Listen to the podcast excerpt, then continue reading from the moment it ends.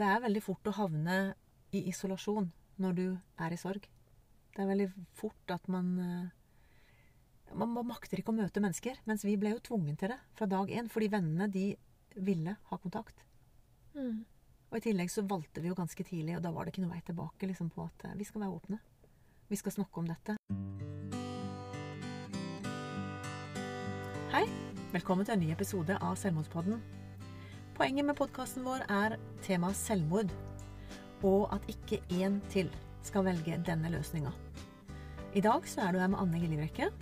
Og Kine Reinertsen. Vi har jo valgt å ha hovedfokus på unge menn som er usynlig deprimerte. Og det betyr at ingen vet at de sliter med disse vonde tankene, og at de ikke klarer å snakke om det til noen, egentlig. Vi fokuserer på historier, og så møter du mange forskjellige mennesker her som har tanker rundt eh, dette temaet. I dagens episode skal vi snakke om livet etter at en du er glad i, har begått selvmord. Vi hadde egentlig noen som skulle komme i studio, men pga. korona så blir det litt sånn endringer på mange ting. Så derfor så tenker jeg at uh, Kine og meg snakker litt eh, om våre erfaringer, og kanskje mest om mine med dette og hvordan livet er etter at du har mista noen i selvmord. Ja, så i dag skal vi ha et lite intervju med deg, Anne. Den er bra. Bring it on, sier jeg. Det blir veldig bra. Nå er det jo gått, hva skal man si, en liten stund. Mm. Ehm, godt over et halvt år. Og, Det er faktisk nesten ni måneder. Ja. og det nærmer seg ett år, Mm. om litt. Ja. Ehm, først og fremst, hvordan tror du den dagen blir? 9. august 2020. Altså, det har jo vært et rart år for alle, egentlig. Det er, jo bare ikke, det er jo ikke bare vår familie som har hatt et merkverdig år. Men vi begynte jo kanskje litt tidligere å få fullstendig Hva skal man kalle det for noe? Salto i livet. Mm. Alt ble snudd opp ned. Alt det du trodde du visste, det var uh, ukjent. Så jeg tror nok kanskje at 9. august er jo en spesiell dato for oss. Og uh, alle har jo sagt til meg liksom at å, blir det ikke ille med det, og blir det ikke ille med det? Så på en måte så Jeg vet jo ikke hvordan 9. august blir. Men jeg har sett litt på bilder og tenkt litt eh, Altså, der var jeg da. Sett litt på bildene på 8. august, 7. august. Tenkt Tenk hvor gøy vi hadde det, Kina. Vi var liksom rundt, og Mm. nå skulle virkelig alt skje med selskapet vårt, og vi hadde masse ansatte, og vi skulle liksom gjøre masse gøy. Så ser jeg i øynene mine at jeg liksom har så mye forventning til livet. Mm. Ante absolutt ingenting om at dagen etterpå så skulle hele min verden bli endra Mm. for alltid. Det er jo på en måte aldri noe man kan forberede seg på, egentlig. I hvert fall ikke de tilfellene som vi setter fokus på i denne podkasten. Mm. Og det er jo de som ikke sier noen ting. Ja. Og det er jo kanskje noe av det største som mange har sagt, og som, som når dere har hørt noen av vennene til Thomas har snakka, og også andre vi har intervjua. Tenk hvordan det hadde vært hvis de bare hadde turt å sagt fra. Mm.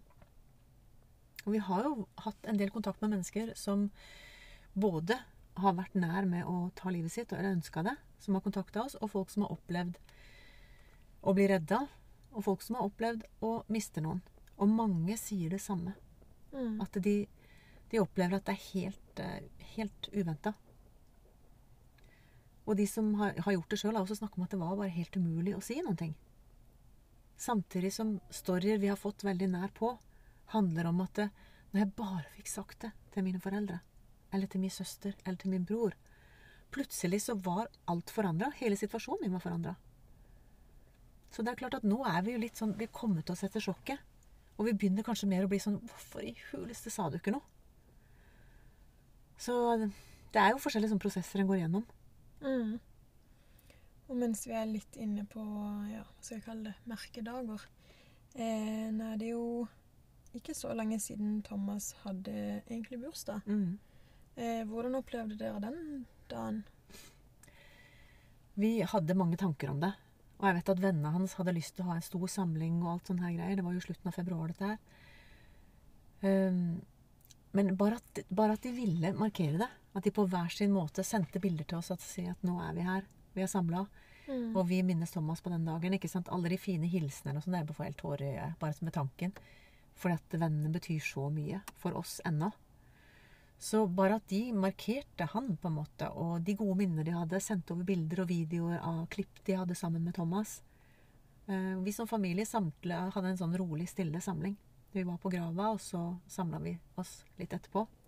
Så satte vi bursdagshatten på, opp på gravstøtta til Thomas. Altså, en gjør små ting som, som, gjør at OK, vi skal komme oss videre fra denne dagen også. Mm. Og holder fast i det gode, på en måte. Mm. Gode minner og gode bilder. Og... og akkurat det med bursdag er jo liksom sånn Han hadde vært 28 år. Mm. Men jeg føler at jeg, i hvert fall for min del, har vært veldig opptatt av at ja, men jeg fikk jo 27 og et halvt år med den gutten. Jeg kan ikke bare tenke på de resterende årene som ikke jeg fikk.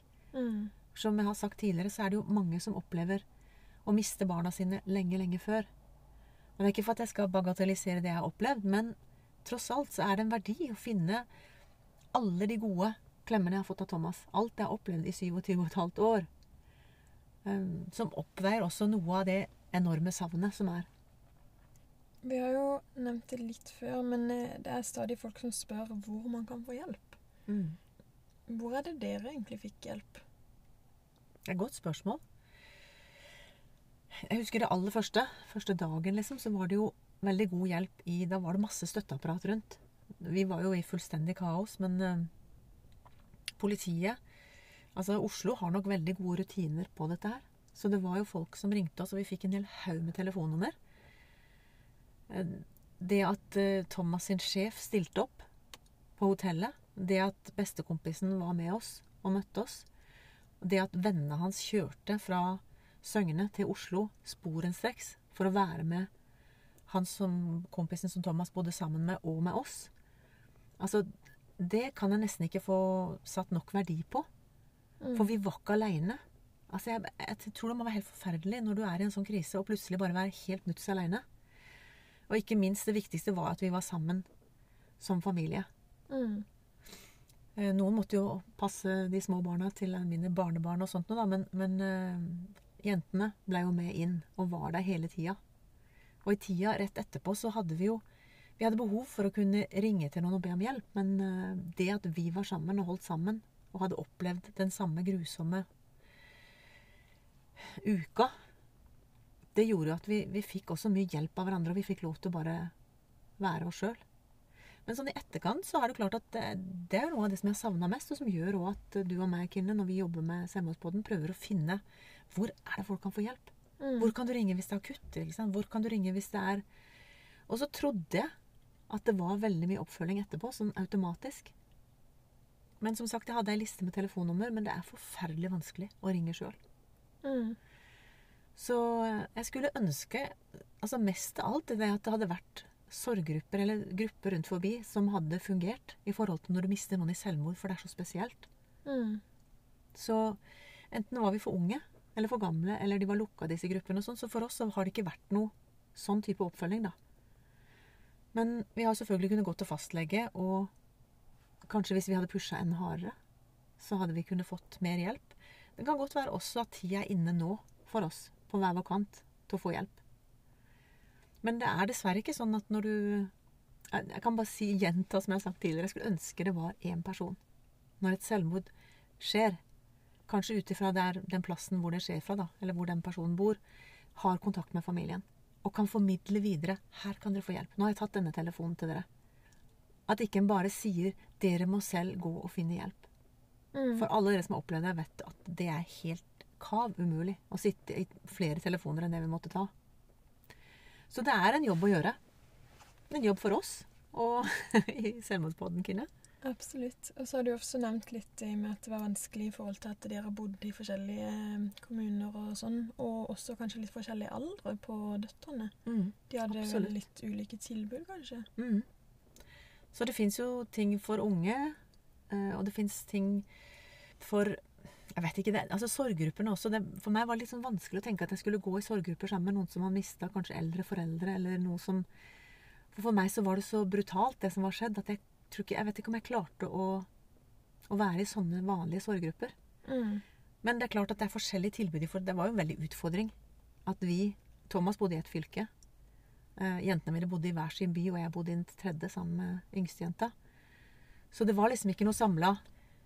Derfor enda mer lengter jeg etter at det er én person som blir oppnevnt av noen til å følge opp hele familien. Hva har eh, venner og familie betydd for deg i etterkant av dette? Jeg er ekstremt takknemlig for at jeg har de tre jentene mine. Og så har jeg også venner som jeg ser som familie. Jeg har jo adoptert en del av vennene til Thomas. Og det har betydd enormt mye. Det er veldig fort å havne i isolasjon når du er i sorg. Det er veldig fort at man eh, Man makter ikke å møte mennesker. Mens vi ble jo tvungen til det fra dag én, fordi vennene de ville ha kontakt. Mm. Og i tillegg så valgte vi jo ganske tidlig, og da var det ikke noe vei tilbake liksom, på at eh, vi skal være åpne. Vi skal snakke om dette, og vi skal Ja, vi skal ikke la være å snakke om noe i forhold til det temaet. Mm. Så det har betydd enormt mye. Hva vil du si er tre ting eller ord som har hjulpet akkurat deg? Eller jeg er veldig takknemlig for de siste tolv åra, hvor jeg har hatt en mentor som har lært meg opp i hvordan jeg skal komme videre i livet. For som jeg har nevnt tidligere, så har vi hatt en del eh, tragedier og vonde ting som vi har opplevd i familien. Og jeg trengte hjelp for tolv år siden, når eh, han begynte å lære meg opp, da.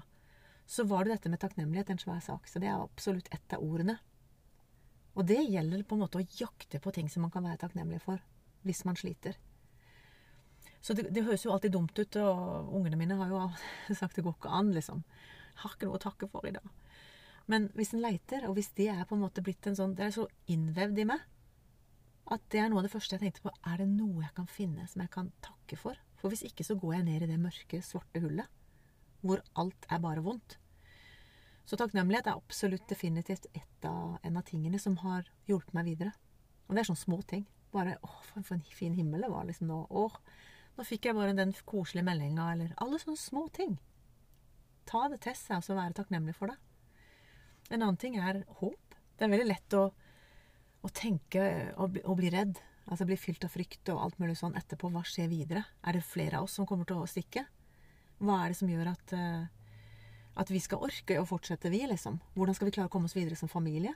Det har vært økonomi som har vært vanskelig. Det har vært jobb som har vært vanskelig å fortsette med når man, ikke, når man er selvstendig næringsdrivende og plutselig går rett i bakken. Så det å finne et håp utenfor meg sjøl, det har vært kjempeviktig. For meg så har jo troa mi også ganske mye med det å gjøre. Og det er jo at jeg har et håp som er utafor meg sjøl. Og nå er det kanskje mange av dere som tror at vi skal til å preke veldig om det, men, men jeg syns jo det er en del av min, min vei ut. Og min vei videre. Sjøl om jeg aldri kommer til å glemme Thomas, han er en del av livet mitt til jeg ikke er her lenger, så det, har jeg et håp om å møte han igjen. Og jeg har et håp om at familien kan få et godt liv. Mm. Det siste ordet som har betydd mye for meg, er åpenhet. Og det at det er til slutt, det er jo egentlig litt sånn motsatt rekkefølge, for det var jo noe av det første som skjedde etterpå. Jeg satt der med åtte ungdommer, og vi skulle ut på masse ting, og jeg sa det til Kine med en gang. Dette har skjedd. Ehm, det virker som at Thomas ikke ønska å leve lenger. Og så, når vi kom til Oslo, så var det samme kvelden at vi ønska vennene hans skulle få det fra oss, med kjærlighet og omtanke, og ikke i en eller annen sånn tilfeldig bisetning. Så åpenhet har jo egentlig fulgt familien vår i mange år. Men det er mange ganger du kan ikke være åpen fordi at det vil skade andre mennesker. Og da velger du på en måte å, holde det skjult. Mens for oss så blei det så viktig at uh, Thomas har gjort dette, og dette må man snakke om. En del temaer, f.eks. både selvmord, overgrep, andre ting, er det viktig å snakke om. Mm. Det er åpenheten som avler videre åpenhet. Det er åpenheten som kan redde deg på vei ut, tror jeg. Jeg vet at kanskje noen syns at denne åpenheten blir for mye. Og at de syns De liker rett og slett ikke at vi snakker så mye om det. Og det er også mange meninger om hvordan du bør sørge, hvordan du bør komme videre og alt mulig sånn. Men, men jeg tror hver, hvert menneske som opplever selvmord i familien, får sin egen vei å gå. Vi kan lese noe i bøker, og vi kan høre på hva andre sier. Men jeg tror hver enkelt får sin egen sti å gå. Jeg tror det er veldig viktig for venner og bekjente og de som er rundt, og så bare støtte den veien som de velger. Og prøve å, å, være kanskje mer på praktisk hjelp enn å alltid si 'sånn burde du gjøre', eller 'sånn Det hadde ikke jeg gjort', eller et eller annet sånt. ikke sant? Så det har vært veldig sånn Og sånne venner har jeg hatt. Og det er klart at jeg har jo valgt venner kanskje enda mer med omhu i etterkant. Og passe på å fylle med med masse inspirasjon. Og være med venner som du får oppdrift av å være sammen med. Jeg er også veldig takknemlig Kine, til deg for at du var med meg og starte Selvmordspodden helt fra begynnelsen. For det er ikke bare rett fram å skulle ønske å være med i en så tøff uh, temapodkast. Så det å være sammen med noen og kunne jobbe for noe som en syns er viktig, det er kjempeverdifullt. Mm. Så åpenhet er kjempeviktig, og vi kommer til å fortsette med det, vi. Ja, det gjør vi. Og eh, vi merker jo at folk sender mye meldinger og eh, kommenterer, og at det betyr veldig mye. Eh, så om det ikke har den effekten på alle, så er det så verdt det for den, den det gjelder. Mm. Mm. Jeg tror vi må bare tenke at uh, podkasten er for Spesielt for de som sliter, de som har opplevd slike ting, og de som ja, også hjelpeapparatet, for å få en liksom, innsikt i hvordan det er å oppleve disse grusomme tankene eller oppleve selvmord på kroppen. Mm. Men det er klart at vi er ikke de proffe, som vi har sagt. Vi er ikke de som uh, vet mest om alle faguttrykkene, og alt mulig sånn, men vi er der fordi at vi bryr oss om mennesker, og vi ønsker at uh, ikke en til skal velge selvmord. Mm. Nå begynte vi litt på det allerede, men har du noen konkrete eh, tips eller råd til familier familie som har mista noen i selvmord? Jeg kan ikke snakke på vegne av alle. For det fins ikke én vei for alle. Men det fins noe som vi satte som veldig verdifullt. Og det var å skjerme oss i begynnelsen. Og bare være med de aller nærmeste. Eh, etter hvert så blei det litt at vi fant vår egen vei. Og jeg er jo mamma til tre jenter, sånn at jeg prøvde jo alle veier å finne hjelp. Hvor kan jentene mine få hjelp? Og etter hvert så ble det jo også at, eh, at jeg måtte prøve å få snakka med noen sjøl. Men det jeg fikk mest hjelp av, det var de aller nærmeste. Som kjente meg så godt, som visste hva vi hadde vært igjennom før, og som kjente Thomas. Det var ekstremt godt å møte vennene hans. Det var ekstremt godt å møte og være masse sammen med familien. Um, og så var det godt for meg å komme til fastlegen, og så sier hun Anne hvis du har god, godt nettverk rundt deg, så holder det. Du trenger ikke å tenke at du må til psykolog. Så for min del så gikk jeg jo til en eh, sånn mer Ikke alternativ, men en sånn som ikke er i systemet, da. Som er coach. Uh, bare sa kan du være så snill å høre på meg, og høre om jeg er enten kjempedeprimert, eller om jeg løper ifra sorgen, eller hva jeg gjør for noe. Så jeg prata og prata, og det var ganske godt å høre fra han at Anne, jeg syns du takler dette på en sunn måte som virker som han er god for deg, virker som det er riktig veien for deg å gå. Og det betyr kanskje mer enn alle andre som ikke kjenner oss, som sier at sånn og sånn bør du gjøre. Mm. Så tillits, altså mennesker som du er glad i, og som er glad i deg. Og som kanskje ikke har tusen løsninger på alt mulig, men de er der for deg. Og for meg så har det også vært veldig verdifullt det vi gjør ikke sammen, Kine. Det å drive Selvmordspodden. Jeg var veldig tidlig ute på at jeg liker å skrive. Så tenkte jeg jeg må få skrevet det ut. Så det å skrive boka for meg Selvmordspodden, det er jo absolutt ikke for alle. Men det var min vei ut. Mm. Og kanskje du finner din vei med å skrive dikt, eller med å snakke med en psykolog, eller hva som helst. Men, men det å lukke det inn i seg sjøl, det vil jeg i hvert fall fraråde på det sterkeste.